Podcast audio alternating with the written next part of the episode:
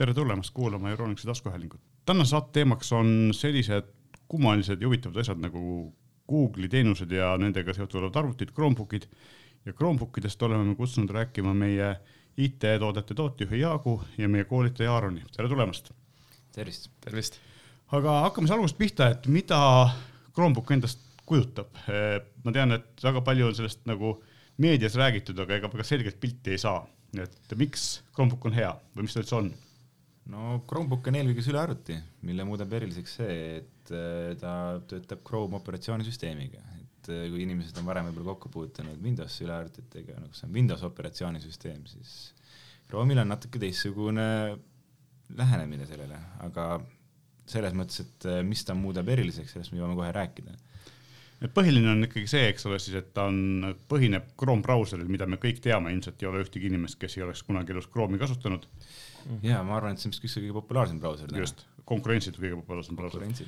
ja, põhimõtteliselt Google on siis võtnud brauseri, vaadanud, et see on väga hea, et nad on ehitanud sinna peale nii palju lisaasju, et sellega saab teha ka muid asju lisa, lihtsalt tavalisele veebis surfamisele lisaks ja otsustasid siis, et okei okay,, et aga kui ta juba niivõrd vinge on ja miks me siis ei võiks sellest teha arvuti operatsioonisüsteemi, et võtame Linuxi põhja, paneme sinna Chrome'i otsa ja teeme sellise lihtsa kerge arvuti, mis ei võta palju ressurssi, et on mul õigus? täiesti õigus, Meelis, et äh, ta on jõh-, ta võrreldes nagu Windowsi arvutiga kiirus on, ta on sujuv, nagu mm -hmm. ka Apple'i sülearvuti on tuntud oma sujuvuse ja kasutusmugavusega.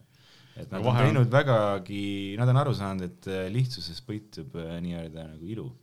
et äh, nemad on aru saanud, et enamus inimesi ikkagi kasutab sülearvutit selle jaoks, et nagu tarbida sisu.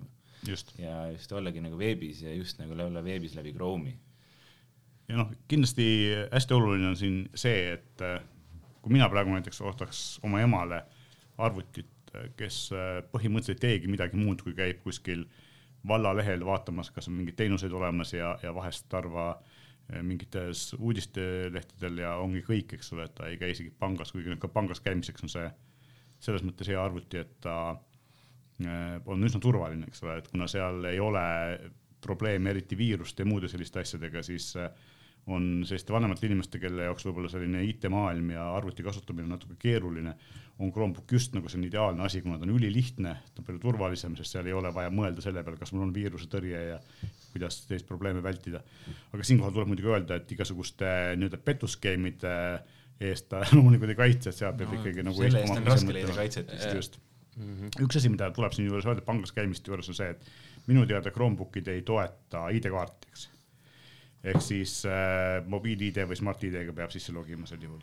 Äh, kusjuures meeles ma ei ole seda katsetanud, aga Smart-ID ja äh, mis see teine oli, see mobiil-ID, eks ole, need töötavad ilusti. Need töötavad kenasti selles suhtes, selles ei ole küsimus. mina ka ei ole, sest ma olen Chromebooki kasutanud, aga kuna mul on põhiline sisselogimisviis on Smart-ID, siis ma ei ole ID-kaarti kasutanud aastaid et selles mõttes ma olen kõik nagu saanud ilma selleta tehtud ja, ja siis, kui sellised asjad on olemas, ei ole nagu probleemi. aga üldse, et üks asi, mis ongi nagu võib-olla miinustest võib-olla räägime pärast veel, aga üks asi, mida ma tean, mida ei saa Chromebookiga otse teha, on see, et siin näiteks USB pesasse ei saa pista printerit, ei tule printeri driver'id, eks ole, et peab kasutama printerit, mis on võrgus ja siis läbi Google Cloud Printi. jah, võrguprinterid on eelkõige, et äh, peaks ikkagi olema võrku ühendatud üle selle et, et siin... see on tegelikult tänapäeval juba väga levinud. just, et kui sa ostad uue mm. printeri, siis noh, tõenäoliselt, tõenäoliselt ostad wifi'ga printeri ja siis ei ole seda probleemi. jah, ma võin isegi öelda, et nagu kui printerite maailmast, et ikkagi asi liigub sinnapoole, et põhimõtteliselt need ilma wifi'ta printerid on kõik kadumas täiesti nagu kas kas wifi'ga printeritel tänapäeval, ma küsin kohe vahele, on üldse USB vesasid olemas? Või mõned siuksed ka, kus ei olegi ikka on, igaks juhuks, kui see ikkagi kuskil sul midagi seal pange lendab, siis peab olema võimalik ligi pääseda. mõtlesin seda, et kuna printeri äri ei ole selline väga suure kasumlikkusega äri, ega on üks koht, kus kokku hoida saab. Võimalik, aga ei ole mindud seda teed, ilmselt on ikka hooldusmeestel ka vaja sinna ligi saada kuidagi, noh. no tõsi jah, tarkvarauuendused ja asjad, need on USB kaudu lihtsamad, see on, see on tõsi. okei. okay aga kui me vaatame nüüd lisaks sellele, et miks on Chromebookid kasulikud, eh, siis noh, üks asi ongi see, et eks, et ta on kerge, eh, ta on odav, noh, selles mõttes odav on halb sõna, soodne, ehk siis nad maksavad alates seal mingist kahesaja viiekümnest, kolmesajast eurost, eks ole. ja tegelikult siin natuke üle kolmesaja euro saab juba sellise puututundliku ekraaniga mudeli, mida saab siis nii-öelda kolmsada kuuskümmend kraadi kokku keerata tagurpidi ja kasutada tahvelarvutini, eks ole. Neid on erinevaid, selles mõttes on neid volditavaid puututundekraaniga, aga on ka nii-öelda tavalised nagu no sülearvutid ehk siis inglise keeles on sõna clamshell, clamshell on inglise keeles, aga eesti keeles ei oskagi öelda, kas hästi on, aga no nii-öelda konventsionaalne sülearvuti, mis ei ole kolmsada, kolmsada kuuskümmend kraadi pööratav. aga Google Chrome'iga ongi see eelis, et nad, nad ei nõua süsteemilt niivõrd palju protsessori jõudlust või äh, RAM-i või sisemälu, et see võimaldab tootjatel nagu sealt pealt natuke rohkem kokku hoida aga samas jällegi on võimalik pakkuda täiesti hea korpusega sülearvutit täiesti mõistliku hinna eest. just, et noh, mind panebki imestama see, et, et kuna Chromebooki üks selline plahvatusliku populaarsuse kasvu põhjuseks oli tegelikult see, et Ameerikas hakkasid Chromebooki kasutama koolid. ja, ja seal oli nagu kaks asja, miks seda tehti, üks oli see, et seda on väga lihtne, kui ta on Google'i kontoga seotud, siis väga lihtne on sealt kasutaja välja logida, teine kasutaja sisse logida ja põhimõtteliselt vahetada sama arvutit lasta kasutada mitmel erineval õpilasel, eks ole, või siis mm -hmm. lihtne seda uut arvutit kasutusele võtta, vana arvutit kasutusest maha võtta, et see kõik käib nagu hästi mugavalt. ja teine asi ongi see, et, et Chromebookid on tehtud ka need lihtsam on tehtud nagu sellised suurte raamidega tugevad, et kui lapsed neid nagu loobivad kuskil klassiruumis, siis nagu ei juhtu põhimõtteliselt mitte midagi, eks ole, nad on hästi töökindlad selle koha pealt. muidugi siinkohal mainin ära, et need, mis koolidesse loetud on kohe erilisemad mudelid Just. ka, et aga selles mõttes on tõesti see on tore lähenemine, et tunni alguses jagatakse Chromebookid laiali, aga need ei ole nimelised, need on, sul võib Just. täna saada ühe või homme on sul võib-olla teine onju. Aga kui sa sisse logid, on see kohe, vastab täpselt sellele, kus sa jäid eile. Et selles mõttes nad sobivad väga hästi nagu iga tunni alguses nagu raamatud välja jagada täpselt, lihtsalt. ma tean, on olemas ka meil muidugi mitte nii palju, on ka olemas firmasid, kus on niimoodi, et kui töö on selline lihtsam, kus on vaja ainult mingeid veebipõhiseid asju teha, siis äh, samamoodi võetakse kasutusele Chromebookid, see on tööandjale IT-kulu poolest kõvasti väiksem, sellepärast just, et selle haldamine on palju lihtsam, eks ole, ei ole vaja mingit viirustõrjete litsentside asjadega möllata. tõepoolest on ettevõtted, kes on läinud seda teed. Okei okay., ja noh, ongi, et, et üks asi ongi see, mis mind nagu imestama pani, et, et nende selline hinna ja, ja sellise tugevuse suhe, noh loomulikult see tugevus tulebki selle muu võimsuse arvelt, kuna sinna ei ole vaja panna nii kallist protsessorit ja nii palju RAM-i, eks ole, et me teame, et siin lihtsamad Chromebookid on jätkuvalt nelja gigabaidise RAM-iga, mis äh, Windowsi maailmas nagu väga ei tee enam midagi, aga Chromebooki puhul on seal jõudlust küll rohkem. Microsoft on selgelt välja öelnud, et neli gigabaiti jääb nende uue Windows üksteist operatsioonisüsteemi puhul ikkagi väheks ja kaheksa No no, jah. on eelistatud, aga Chromebooki puhul ei ole mingit probleemi ka neljaga töötada, et Just. E e välja arvatud juhul, kui sa tahad kakssada tääbi korraga lahti teha. äh, minu teada isegi vist Chrome natuke nagu reguleerib seda ise juba, et ta annab sulle Ja teada, et, et jah. ära nüüd mine nagu sinna. ja need on vist viimastel uuematel ka brauseri, Chrome brauseri versioonidel on ka see, et nad äh, nii-öelda lülitavad need tabid välja, et nad on küll sul taustal lahti, aga seal mingit tegevust ei toimu, mis võtaks ressurssi seni, kuni selle tabi nagu aktiivseks teeb Ja,, ja. panevad nad nii-öelda magama. et äh, see on ka selline hästi levinud ähm, viis, kuidas nad ressursse kokku hoiavad. aga noh, okei okay,, me veidi rääkisime sellest, et millal peaks Chromebooki eelistama, et see on ikkagi üks põhilisi asju on see, et kui sul on äh, kasutusala, mis on põhiliselt pilvepõhine, ehk sa kasutadki mingeid pilvest olevaid dokumente, käid netis ja põhimõtteliselt midagi muud ei tee, eks ole, siis on ta selline lihtne, mugav, mõnus sülearvuti, mis äh, ei, ei vaja nagu mingit hooldust. Ta ei ole keeruline, sa ei pea seal mõtlema, et mis programmid mul siin olid, eks ole, sest et kõik äh, põhiasjad, mis sul vaja on, on siin doki ette välja toodud. väga lihtne, aga samas äh, negatiivse poole pealt ongi siis see, et kui sul on vaja mingit spetsiifilist rakendust või tahad midagi keerulist teha, siis seda sellega nagu niisama lihtsalt teha ei saa.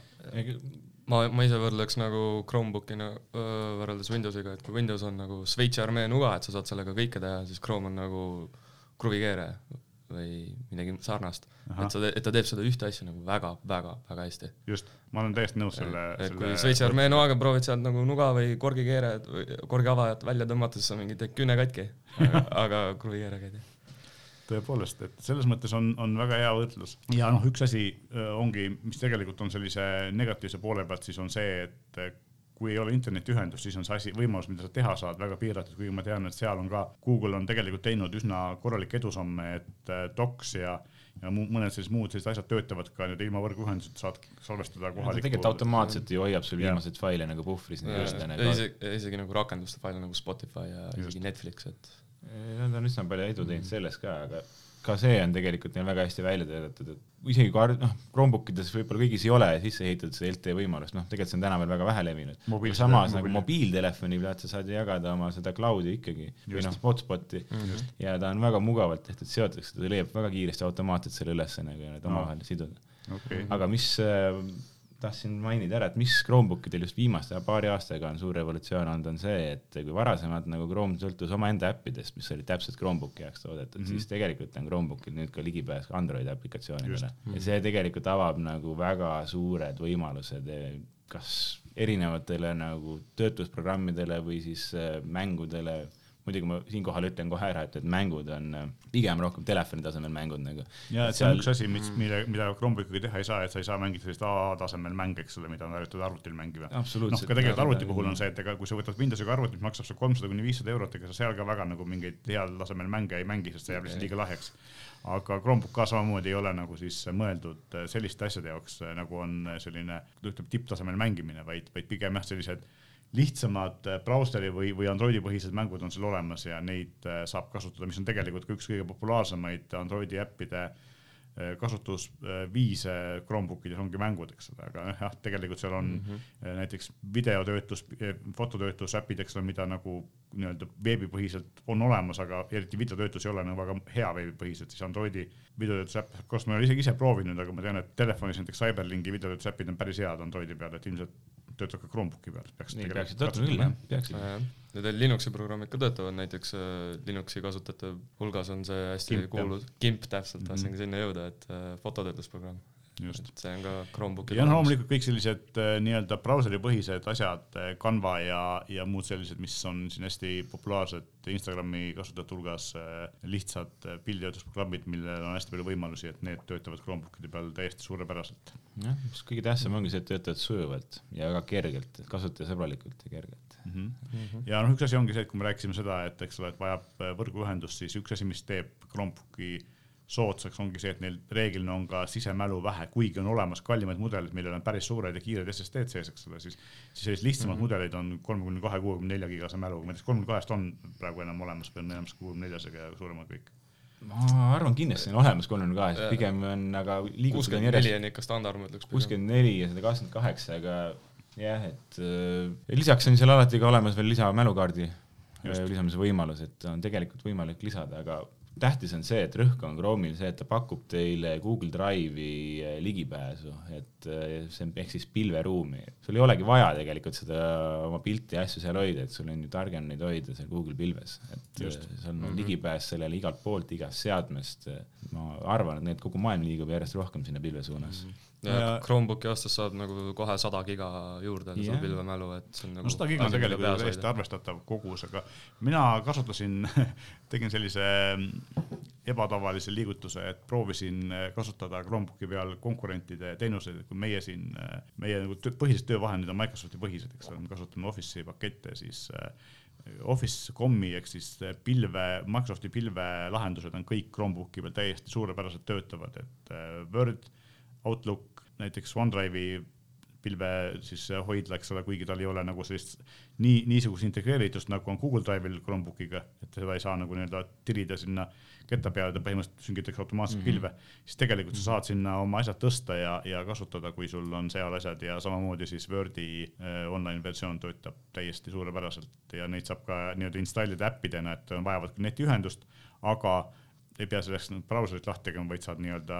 nad installida nii-öelda ikoonina, eks ole, et et see on tegelikult äh, hästi mugav ja tegelikult selline PVA-de või siis äh, selliste progressiivsete veebiäppide võidukäik on iga aastaga järjest suuremaks läinud, et neid äpina installitavaid nii-öelda veebilehti või asju, mis töötavad nii-öelda tegelikult veebipõhiselt, aga näevad välja nagu äpp, neid on järjest rohkem, eks ole, et päris paljud veebilehed võimaldavad seda teha. noh, Twitter on hästi levinud asi, mis töötab väga hästi nii-öelda ongi, neil ongi tegelikult kõik Twitteri kliendid ongi põhimõtteliselt siis eh, nii-öelda veebikliendid, et eh, lihtsalt on võetud see brauseri riba ja nupud ülevalt ära, aga tegelikult ega ta tegelikult on veebileht, et, et selles mõttes on olemas äh, päris palju selliseid asju, mida saab seal kasutada, mida tegelikult võib-olla ei teatagi, et neid Chromebooki kasutada saab et arvatakse, et on piiratum, kui ta tegelikult on, et tegelikult on Chromebookil võimalusi rohkem, kui, kui alguses arvata, arvama kiputakse. et see on äh, hästi oluline teada, aga, aga samuti on ka hästi oluline teada seda, et kui te soovite kasutada, ma ei tea, Adobe tarkvara, Photoshopi, Premiere'i, muid asju, siis selleks Chromebook ei sobi, noh, tegelikult selleks ei sobi ka lihtsam Windowsiga arvuti, kuna lihtsalt jõudlusest jääb puudu mm. -hmm. aga see, see vajab ikkagi tööarvutit, mis maksab äh, võib-olla sinna neljakohalise numbri kanti. no kindlasti nelja tuhande või neljakohalise numbri kanti, aga lihtsalt mm -hmm kõik on nagu kompromisside küsimus, et just. ma arvan, et Chromebook pakub kindlasti väga head kompromissi just äh, inimesele jaoks, kes. Kes tahab akent internetti.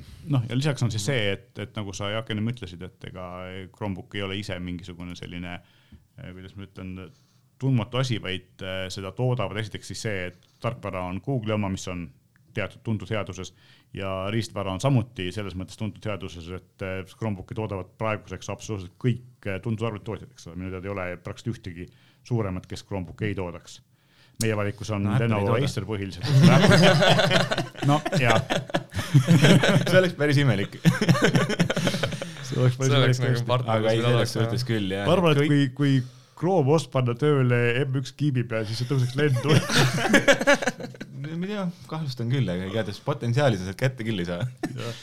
Aga jaa, ei, kõik suuremad toodavad seda ja ka Google ise selles mõttes, et just see on õige. no Google'il on kombeks nii nagu ka Androidiga telefonidega on ka arvutitega see, et nad üritavad näidata siis tootjatele suunda, kuhu nad nagu soovivad neid niimoodi vaikselt suunata, et täpselt tegelikult täpselt samamoodi nagu Microsoft teeb oma Surface'iga, eks, et teevad ka selliseid etalonseadmeid ja siis mõne aja pärast on näha, et Lenovo teeb midagi väga sarnast, eks. see on nagu, nagu selline. Nad suunavad jah.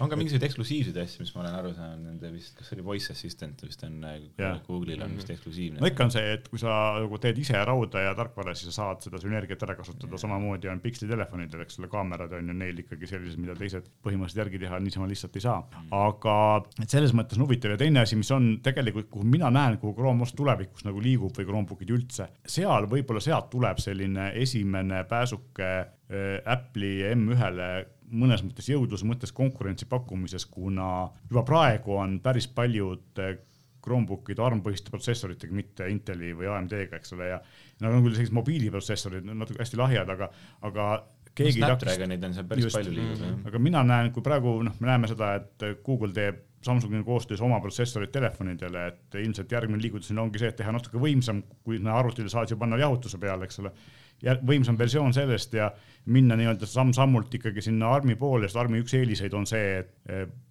voolutarve on kõvasti väiksem, eks ole, mis on üldse Chromebooki tegelikult üks eelis, millest me ei rääkinud, ongi see, et eh, ta võtab üllatavalt vähe akut mm. -hmm. et ikkagi, kui sa niimoodi niisama, noh, kuigi Chrome'ist räägitakse, et Chrome on hästi akut sööv brauser, siis Chromebookide peal on ta piisavalt hästi optimeeritud, kui sa võrdled näiteks Windowsiga arvutitega, siis noh, ma julgeks väita, et enamasti kestab kaks korda kauem aku. võimalik. No, ei ole neid tunde ära istunud. see sõltub, sõltub muidugi mudelist ja kasutusse viisist, aga isiklikust kogemusest mm. ütlen. teine asi, mis minul kogu aeg Windowsi puhul probleemiks kodus on see, et unerežiimi jäämine, kui ma panen kaane kinni, siis päris tihti juhtub, et ta ikkagi tegutseb seal omaette ja mingil hetkel ma võtan seda arvuti ja aku on tühi või peaaegu tühi, eks ole, siis Chromebookil nii palju, kui ma teda kasutanud olen, põhimõtteliselt ta nagu Mac äh, samas seisus, kus ma ta kinni panin, samas seisus ta alustab, et aku on täpselt nagu pole, pole. hea, et seda mainid, et see on üks asi see aku, aga teine asi see, et, et samast seisust jätkad, ongi, see on nagu nutitelefon ja sa teed just. ekraani lahti just. ja sleep mode'is mm -hmm. see kiirus on hoopis teine. no see kiirus on uskumatu, eks. et see ongi nagu nutitelefon lahti ja ta ja. ei ole seda, et ekraan ei olegi, liigub, olen lahti teinud, on juba ekraan hele, eks ole. see on väga suur eelis et see on fantastiline. Windowsi puhul sul ikkagi võib olla vahepeal, et äh, sa ei saa ikkagi nii kiiresti tööle. just. ja noh, teine asi muidugi on see, et äh, mis puudutabki seda, et kui sa oled Google'i kontoga sisse loginud, siis äh, see lisaturvalisus on see, et kui sa nüüd tõesti ei jäta sinna suuremat kogust dokumente või pilte sinna arvuti nii-öelda sisemällu, vaid oled nad pilve ära sünkinud, mis tegelikult enamasti, kui sa ei ole seadeid muutnud, töötab automaatselt, eks ole siis on see, et kui sul arvuti midagi juhtub, ma ei tea, unustad selle kuskile kohvikusse või, või midagi sellist, eks, või ma ei tea, saab õnnetult otsa, ostad omale uue Chromebooki, logid oma Google'i kontoga sisse, siis tervitab seesama, täpselt sama vaade ja kõik needsamad dokumendid, et äh, sa ei ole nagu millestki ilma jäänud, mis on nagu mõnes mõttes sellise töö jätkamise või, või kooliasjade sama koha pealt jätkamise koha pealt täiesti asendamatu, eks ole. Sa ei saa sellist asja. üks kõige hullemaid asju, mis saab olla, kui sa kaotad oma arvuti ära koos kõigi Just. oma failide ja asjadega ja väga raske on tagasi saada, kui sa ei ole pilve peale siis koopiat teinud või endale kuskil välise kõvakette peale koopiat teinud. et seda juhtub ikka päris tihti ja noh, telefonidega on see eriti hull, et kui inimesed tulevad ja kurdavad, et näete, et mul olid siin hunnik pilte, mida ma ei ole pilve laadinud ja mida ma olen no, igaveseks mälukaardi taastamine on ikka väga, väga keeruline tänapäeval. ja mida suuremaks läheb, seda keerulisemaks läheb. samamoodi on SSD-del tegelikult taastamine päris keeruline. ja noh, tänapäeval tänapäeval on tegelikult see, et vaikimisi kipuvad olema enamus äh, meie salvestusseadmetest, vahet pole, kas on telefon või arvuti krüpteeritud ja siis ei taasta enam põhimõtteliselt mitte no. midagi turvalisuse huvides, eks ole, et see on just. ja, ja siin ongi see, et mis on tegelikult äh, Chromebooki äh, selliseks eel, suureks eeliseks on see, et, et sa põhimõtteliselt ei kaota midagi seni, kuni ta on pilves ja noh, me võime sama rääkida telefoni kohta, et ta enamasti ikkagi varundab pilve, aga telefonis on ikkagi see, et ma pean neid äppe uuesti installima ja ma pean seal nagu tegema päris palju nagu selliseid lisaliigutusi, kui ma uue telefoni hangin, siis äh, Chromebookiga on see tehtud nagu veelgi mugavamaks, kui ta telefonide peal on. ja noh, me teame, et Microsoft on üritanud sarnast asja teha, et tegelikult saab ka Windowsi seadeid pilve sünkida ja, ja oma taustapilti sünkida ja muid selliseid asju teha, aga ta ei ole nii mugav ja nii automaatne, kui ta Chromebookil on, et see on nagu fantastiline, kui, kui sujuvaks ja, ja selliseks lihtsaks nad selle teinud on kasutajale, täiesti automaatselt ilma mingisuguse lisategevused. see on nagu täitsa ebareaalne, et nagu see salvestab su paroolid, kõik asjad nagu lähebki samale veebisaidile uues seadmes, saad ikka nagu ühe klikiga. siin muidugi ma saan kohe seda öelda, et, et äh, kui, kui Chrome salvestab paroole ja selliseid asju, siis kui te tahate kasutada äh, mõnda muud paroolihaldurit, äh, vahet pole OnePasswordi või, või midagi muud sellist mm, -hmm. siis need on toetatud samamoodi brauserisse yeah, laiendustena, nii et, et see ei ole ka probleemiks, et, et see, et teil on mõni, mõni teine paroolihalduri kasutusel ei takista teid äh, seda mugavalt äh, seal Chrome OS-is kasutamast, et see on, see on ka kindlasti oluline teada. et need on nagu, nagu sellised asjad, mida, mida nagu teada, et põhiline on siis see, et äh, kerge, väga lihtne, kauakestva akuga hästi soodne, eriti vanematele inimestele, kellel ei ole vaja no, ta on mõistliku hinnaga, just, absoluutselt. no alates siin kahesaja kuuekümne üheksast, kui ma mälu. kõige nagu parem ongi kasutajaks see, et ta teab, et ta saab seadme, millel ei ole nagu probleeme, et ta on nagu aeglane karbist väljas, mis võib võib-olla mõne soodsama Windowsi arvutiga olla, et äh, ost-, võib-olla on nagu eelarve on ikkagi piiratud ja on otsustatud osta see soodsam, aga lihtsalt see Windows on niivõrd mahukas, et ta ei tööta selle arvuti peal niivõrd no, pluss paljude Windows isegi kallima otsa nagu selle arvutile on nagu bloatware'i täiega peale pandud. ja, et siin on nagu kaks probleemi, üks probleem on see, et, et ongi hästi palju kiputakse tootjate poolt Windowsile installima lisaasju, kas siis Microsofti enda poolt või siis äh, tootja poolt, sellepärast et äh, saada tagasi mingisugune kulu ja natukenegi kasumit teenida, kuna eh, arvutiturg on selline hästi konkurentsitihe ja sealt väga-väga nagu muud, muud moodi kasumit ei teeni, mis on kasutaja jaoks nagu probleemiks. Google näitab reklaami nagunii ja neil ei ole vaja nagu seda midagi lisaks toppida, eks ole. teine asi on see, et eh, Windowsi probleem ju tegelikult üldiselt, eriti isegi võrreldes Maciga, et Apple'il on veidi lihtsam, kuna turuosa on niivõrd väike, siis nad võivad teha nagu selliseid liigutusi, et me nüüd vahetame protsessorit, vanad eh, asjad ei tööta või või me nüüd viskame mingisugused vanad äh, jupid tarkvarast välja, mida meil enam arvame, et vaja pole, mis siis, et inimesed äh, neid kasutavad, noh saage üle sellest. Windowsi puhul on see, et neil on nii palju ärikasutajaid, kasutavad mingeid igivanu asju kuskil suurtes firmades ja nad ei saa lihtsalt neid välja visata ja tegelikult nad on veidi selles kinni, et see on mm. probleem ja sellepärast tegelikult me leiame ka Windows üheteistkümnes veel natukene selliseid asju, mida tegelikult vist tänapäeval enam Windowsis vaja poleks, aga ne, nad ei saa seda nagu ära, ära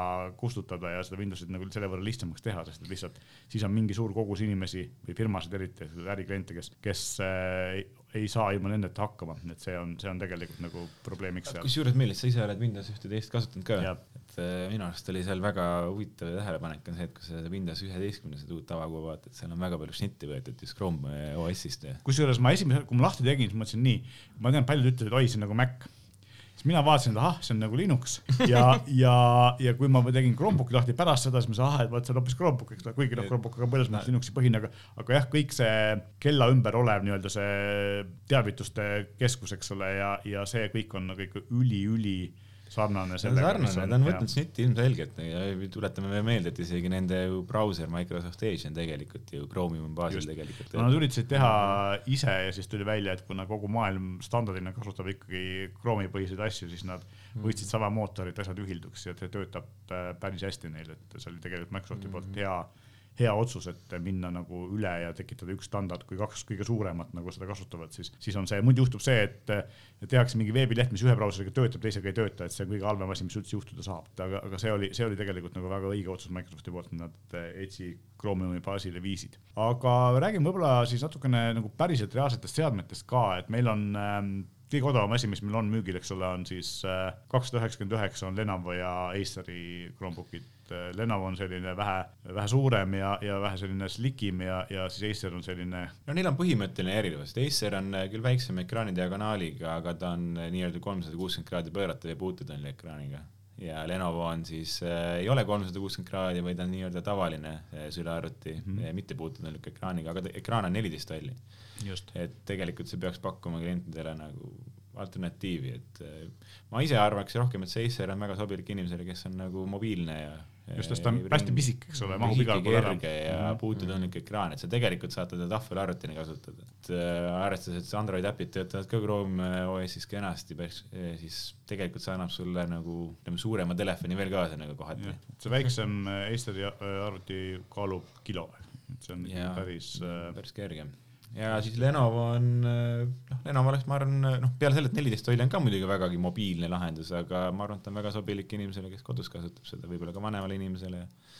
Mhm. aga ma arvan, et ta kindlasti lõpetab rohkem aega on ikka kodus kuskil laua peal või diivani peal süles. seda küll, et ma isegi mm -hmm. proovisin seda tahvli äh, versiooni ja see töötas väga hästi. just nimelt niimoodi teleka ees diivani peal, eks ole, et see on mm -hmm. nagu meil tänapäeval kipub olema, et meil ei ole mitte üks seade, mida me vaatame, vaid korraga mitut, mis võib-olla ei ole väga, väga hea, aga, aga samas äh, paratamatult me kõik seda teeme, nii et ja loomulikult noh, Chromebook'i on tegelikult olemas ka siis äh, sellised päris tipptasemel andmetega päris kalleid, aga siin tekibki küsimus sellest, et kas, kas äh, seda on tarvis või, või on sel, sel juhul mõistlik juba osta mingi Windowsiga arvuti või MacBook, millel on nagu rohkem võimalusi. Äh, ma, ma arvan, et kui, kui nüüd minna interneti avardusse, see leiab igasuguseid ägedaid Chromebook'e, et sa isegi vaadatud, et seal on nagu kõik ühes lauaarvuteid leiab sealt ja igasuguseid lahendusi on tehtud, kuhu seda Chrome OS-i on pandud, aga kõige edukamaks on siiamaani ikkagi osutunud äh, need puututundlikud mõistliku kaaluga ja just hind. Ja tegelikult, kui sa lähed paned selle veel võimsama protsessori sinna sisse või rohkem mälu, ta ei anna sulle Chrome OS-is mitte midagi suurt juurde, aga hinda annab ta meeletult juurde. et sellepärast nagu tegelikult kõige edukamad Chromebookid ongi sellised soodsamad, no kõik ühest arvutist võib selles mõttes aru saada, et kui sul on vaja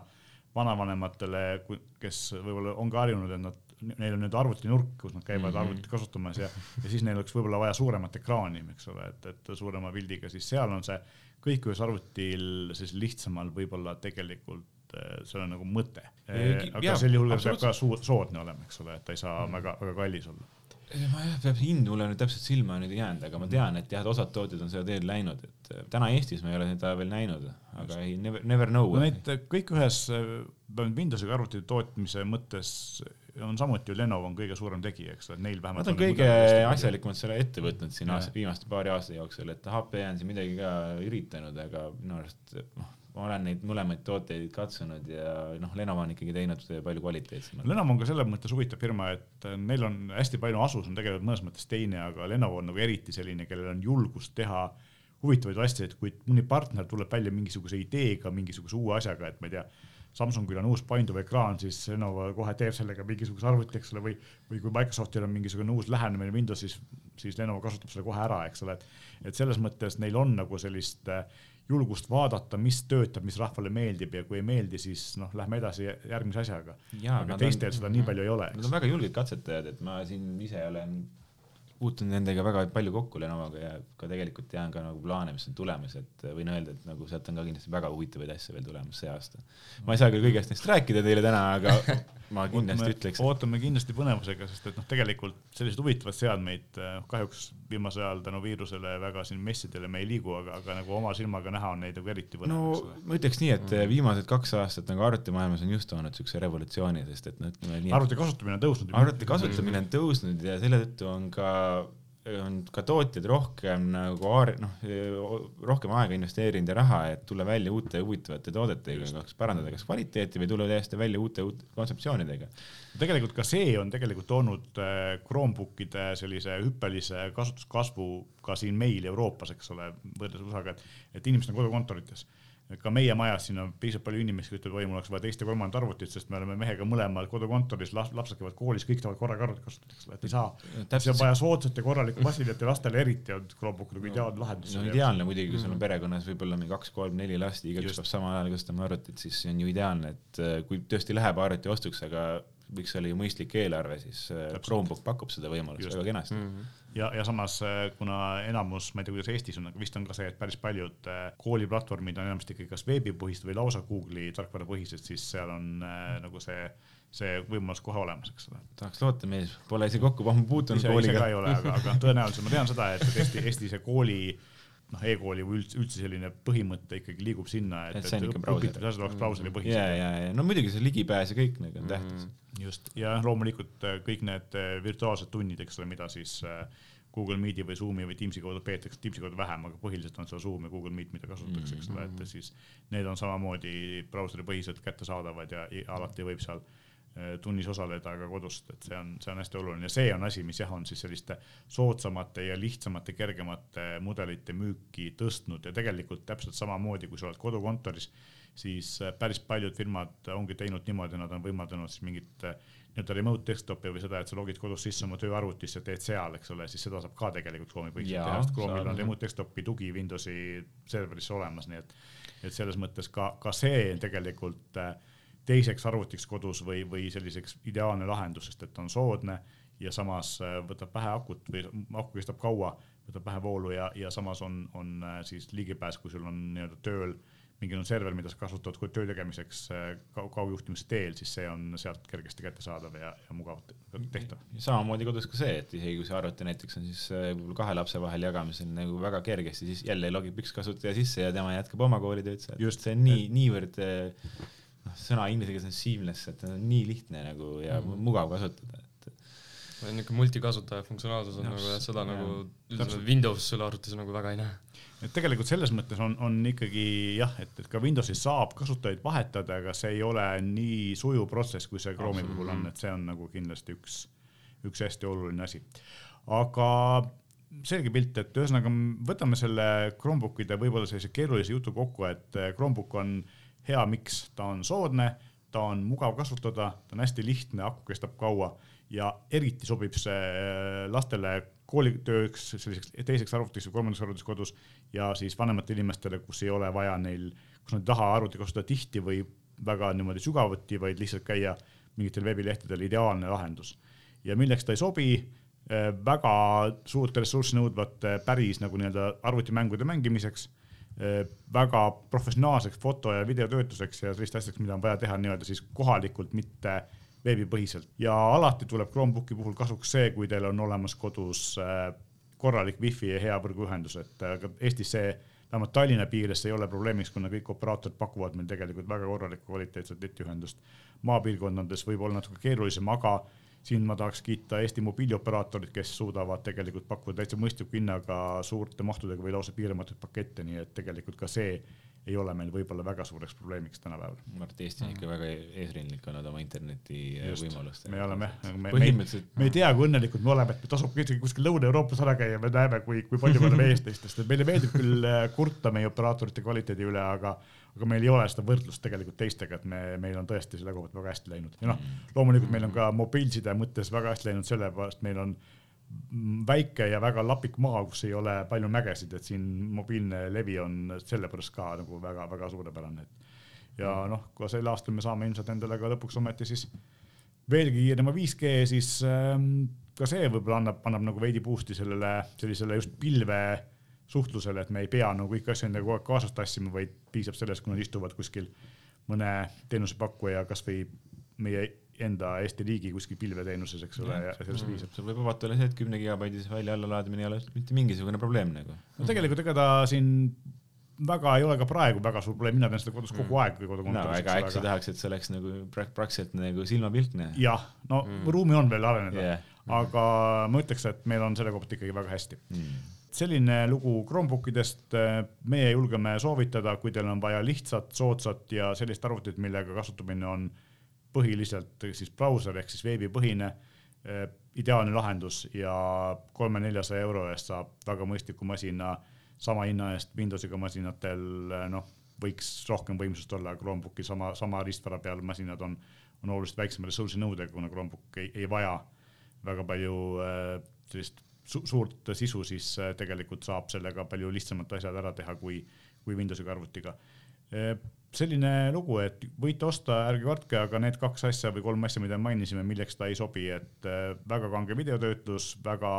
tipptasemel mängud, põhimõtteliselt ongi kõik, et kõigeks muuks on Chromebook väga ideaalne lahendus, aga mina tänan teid, Jaak ja Aaron tulemast. Ja varsti, varsti räägime uuesti. väga tore oli. nüüd, kus Chromebookid on üle vaadatud ja selgeks tehtud, mida nad endast kujutavad võtame ette rubriigi järgi, järgi proovitud ja, või tegelikult seekord ei ole järgi proovimine võib-olla päris õige, vaid tegelikult on tegemist esmamuljega mm.. nimelt eile kuulutas Samsung välja uued äh, ja täiesti ägedad Galaxy S22 seeria telefonid ja Tab S8 tahvelarvutid. meie oleme Oliveriga neid natukene siin saanud äh, oma käega katsuda, küll mitte väga põhjalikult ja jagame teiega esimesi muljeid, et noh, Samsungil on tegelikult kombeks ikka varakevadel või hilistalvel tulla välja uute mudelitega ja ja ka see aasta ei ole erand ja selle aasta siis mudeli nimetus on, nagu me ka ennustasime, ikkagi Galaxy S22 seeria kõige selline vingem selles seerias on siis S22 Ultra, mis äh, minu arust meenutab nii oma olemuselt kui ka disainilt väga Galaxy Note'i. Ehk siis tegemist on kogu oma olemuselt ja hingelt äh, Galaxy Note'iga välja arvatud nimi, et, et siis Note seeria on äh, Samsungi poolt tõenäoliselt praeguseks lõpetatud ja ja see Node'i hing elab edasi selles Galaxy S22 ultras, et ta näeb selline huvitav välja, et ülemine, alumine ots on täiesti kandilised, täiesti sirged ja samas ääred on hästi kumerad, ekraan on kumer ja loomulikult on siis äh, nagu ikka Note seerial kombeks on vanasti olnud, on äh, sees sisse ehitatud äh, pliiats, pliiats on uus, pliiats on aktiivne, töötab ja ühendab Bluetoothiga, ühendab ennast automaatselt, kui ta välja võtta, sisse ehitatud aku laeb telefoni sees olles seitsme minutiga täis. aga mis on nagu uus, on see, et selle pliiatsi siis äh, lääg või see nii-öelda sisestuskiirus on kaks koma kaheksa millisekundit, mis on äh, kolm korda kiirem kui eelmisel Galaxy S21 Ultral oli.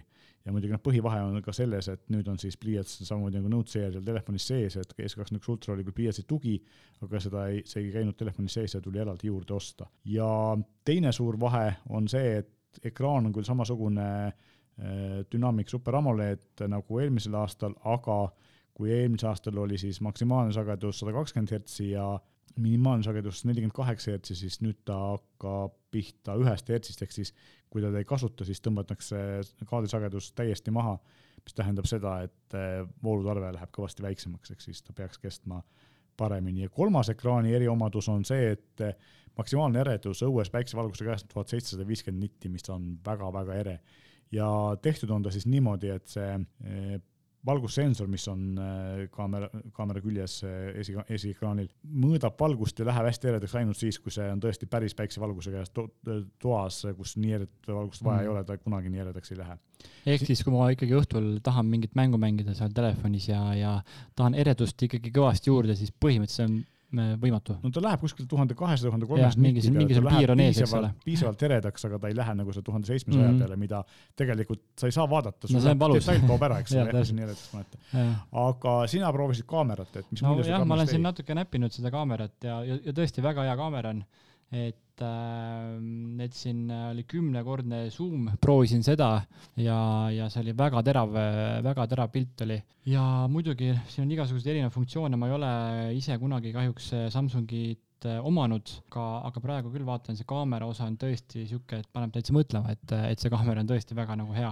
just, et, et siis äh, tal on, ultrast räägime, siis ultral on neli kaamerat, ülilai nurkkaamera mhm. äh, saja kahekümne kraadise vaatenurgaga, saja kaheksa, kaheteist megapiksline, saja kaheksa megapiksline põhikaamera, kümne megapiksline telefotokaamera, kolmekordse optilise suumi ja optilise stabilisaatoriga ja kümne megapiksline ülitelefotokaamera mm, -hmm. mis on siis kümnekordse optilise zoom'iga. muidugi noh, F4 punkt üheksa ehk siis valgust ikkagi natuke on vaja, eks ole. tõsi, jaa. et on suhteliselt pime, aga noh, tegelikult on, ma ütleks, et sama pime kui enamus äh, suuri fotokaamerate teleobjektiive, ja, ja, selles jah, täpselt, et ütleme tele, tele, ütleme torudega kuskil kaks kaheksa oleks nagu sihuke super onju. aga, aga ütleme neli on ka ikkagi, kui sa õue lähed, niikuinii on hele, eks ole, et see Just. neli, neli koma üheksa on väga okei okay,. ja, ja loomulikult siis äh, esikaamera on neljakümne megapiksline ja kaheksakümne kraadise nurgaga ehk see suhteliselt lai, mitte nii lai kui selle tagumine mm -hmm. ülilai nurkkaamera, aga siiski laiem kui, kui enamus äh, selliseid äh, selfie kaameraid on. ja sisemälu on äh, siis äh, kaheksa giga on RAM-i ja, ja kakssada viiskümmend kuus, viissada kakskümmend kaheksa giga on ja viissada kaksteist variant on ka olemas. ja tegelikult on niimoodi, et Ultral on kaheksa giga RAM-i on saja kahekümne kaheksal mudelil, kahesaja viiekümne kuuestel ja viiesaja kaheteistkümnesel on kaksteist giga RAM-i, nii et päris ja minu teada Euroopasse või siin meie regiooni tulevad ka ainult suurema mäluga versioonid ja lisaks siis sellele on ja lisaks on siis Ultral ja, ja Plussil ehk siis kahel suuremal mudelil on neljakümne viie vatine kiirlaadimine, mis laeb äh, telefoni nullist viiekümne protsendini poole tunniga. mis on nagu teistel siin Hiina tootjatel on juba olnud, aga Samsungi poolt on see nüüd selline nii-öelda samale tasemele tulek, et kiire, mitte küll ülikiire, aga ikkagi tänapäevase mõistes väga kiire laadimine.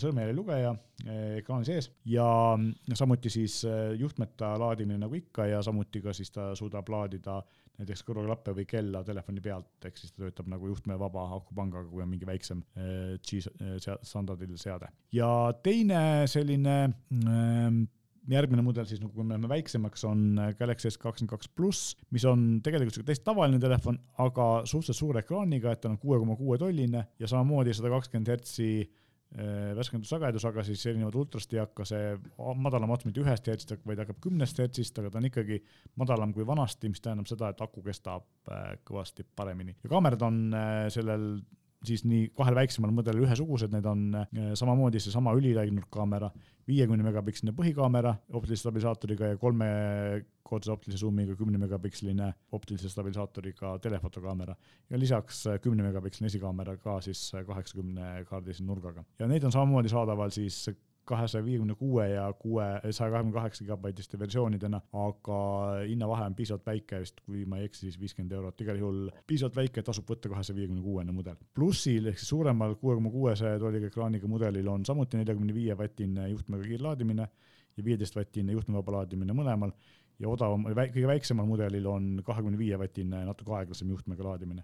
mulle endale tegelikult meeldib see. see väiksem on ju, jaa, seda on väga, väga mugav hoida käes, oma suuruse poolest meenutab ta natuke iPhone SE-d, ainult selle ja. vahega, et äh, ta on siis ikkagi äärest ääreni ekraan ja kui siin paar aastat tagasi, kolm aastat tagasi oli selline Samsungi minitelefon nagu Galaxy S kümme E mm -hmm. paljudele meeldis, ma tean, mul endal mitu sõpra ostis, sest et see oli tõsiselt nüüd mõnus pisik, siis see on nüüd natuke küll suurem, aga mitte palju suurem. Ja ta on ähm, märgatavalt, eriti käes hoides, väiksem, kui oli eelmise aasta tavaline väike S kakskümmend üks, siis ma ennustan sellele suurt edu, kuna ta on piisavalt suure ekraaniga telefon, aga samal ajal äh, väga mugav käes hoida. ja, ja täpselt. et kui see pluss on mudel on selline noh, nendel inimestel, kes tahavad suurt ekraani, kuue koma kuue tolline, siis see on tegelikult selline, mis mahub igale poole väiksematesse pükste taskustesse ära ja.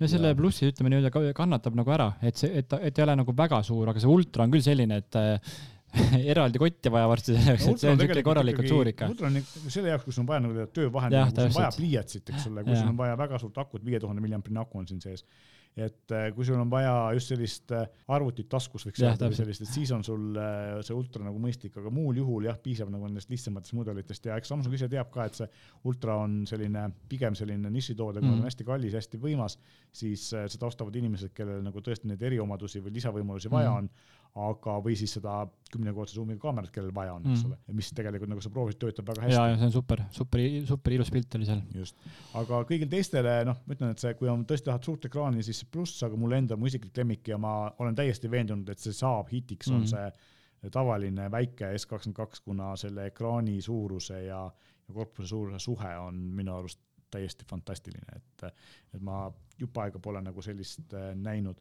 ja mida siis veel võiks rääkida, on see, et nagu me siin varem oleme juba ennustanud, siis neil on uus Exynos kakssada, kaks tuhat kakssada protsessor, mis on nelja nanomeetrise tehnoloogia peal, mis tähendab seda, et ta on jahedam ja võtab vähem voolu kui varasemad ja siis uue AMD graafikaprotsessoriga, mis küll Samsungi enda andmetel on seitseteist protsenti kiirem kui eelmine, mis on veidi pettumus, sest ma ootasin sellest AMD-ga koostöös suuremat hüpet mm. edasi.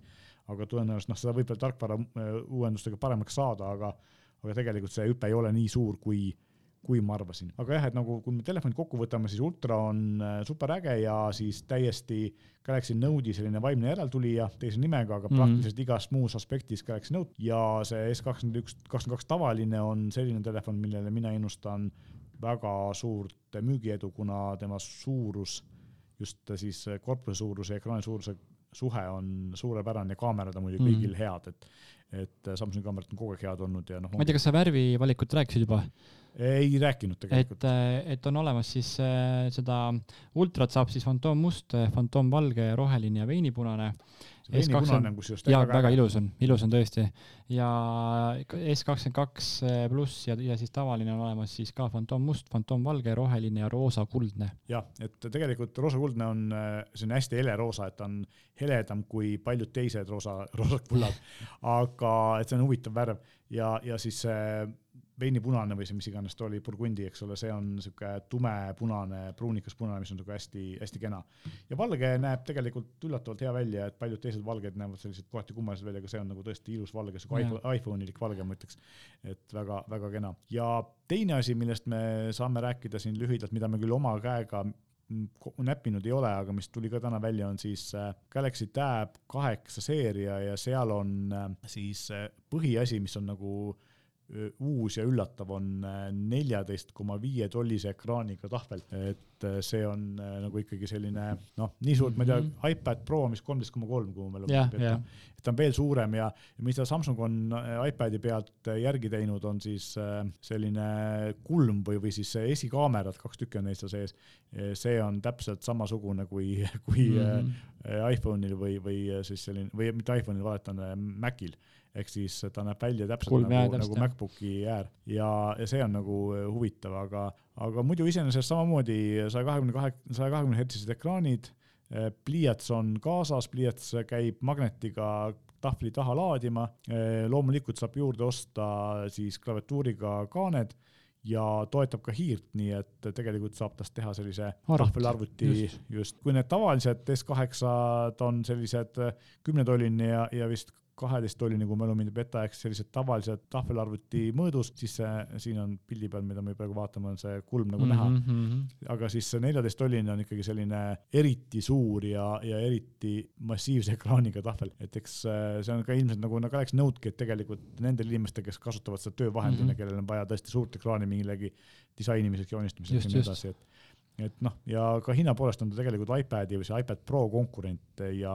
selge see, et äh, Androidi tahvleid ei osteta nii palju kui iPad'e, aga Samsung on suhteliselt ainus äh, selline arvestatavate Androidiga tahvelarvuti tootja, et Lenovo ja ja Asus teevad küll selliseid od hästi odavas klassis, aga premium tahvelarvutit tegelikult keegi peale Samsungi ei tooda, mis oleks nagu iPadi konkurendid ja seal nad on oma turuosas väga, väga tugevad ja noh, kõik need klaviatuurid ja pliiatsid ja asjad, kogu see ökosüsteem on neil väga mm -hmm. hästi väga hästi äh, läbimõeldud, et äh, lihtsalt küsimus on selles, et kas inimesed eelistavad sellise noh, tuhat pluss võib-olla hinna juures äh, siis Androidiga tahvlit või iPadi, tõenäoliselt siis ka iPadi, aga aga nendele, kellel on Androidiga tahvlit vaja, on Samsungil selline suurepärane lahendus olemas. noh, mina ütleks, et, et no loomulikult, et need tahvlid jäävad ikkagi selliseks võib-olla mitte nii populaarseks kui telefonid, et telefonide müük kindlasti saab olema väga suur ja, ja, ja noh, nagu kombeks äh, Samsungil ikka, siis tänasest algas eeltellimine ja kõik, kes äh, siis äh, mõne sellise kas tahvli või, või uue telefoni S22 seeria ette tellivad, saavad saad kingituse.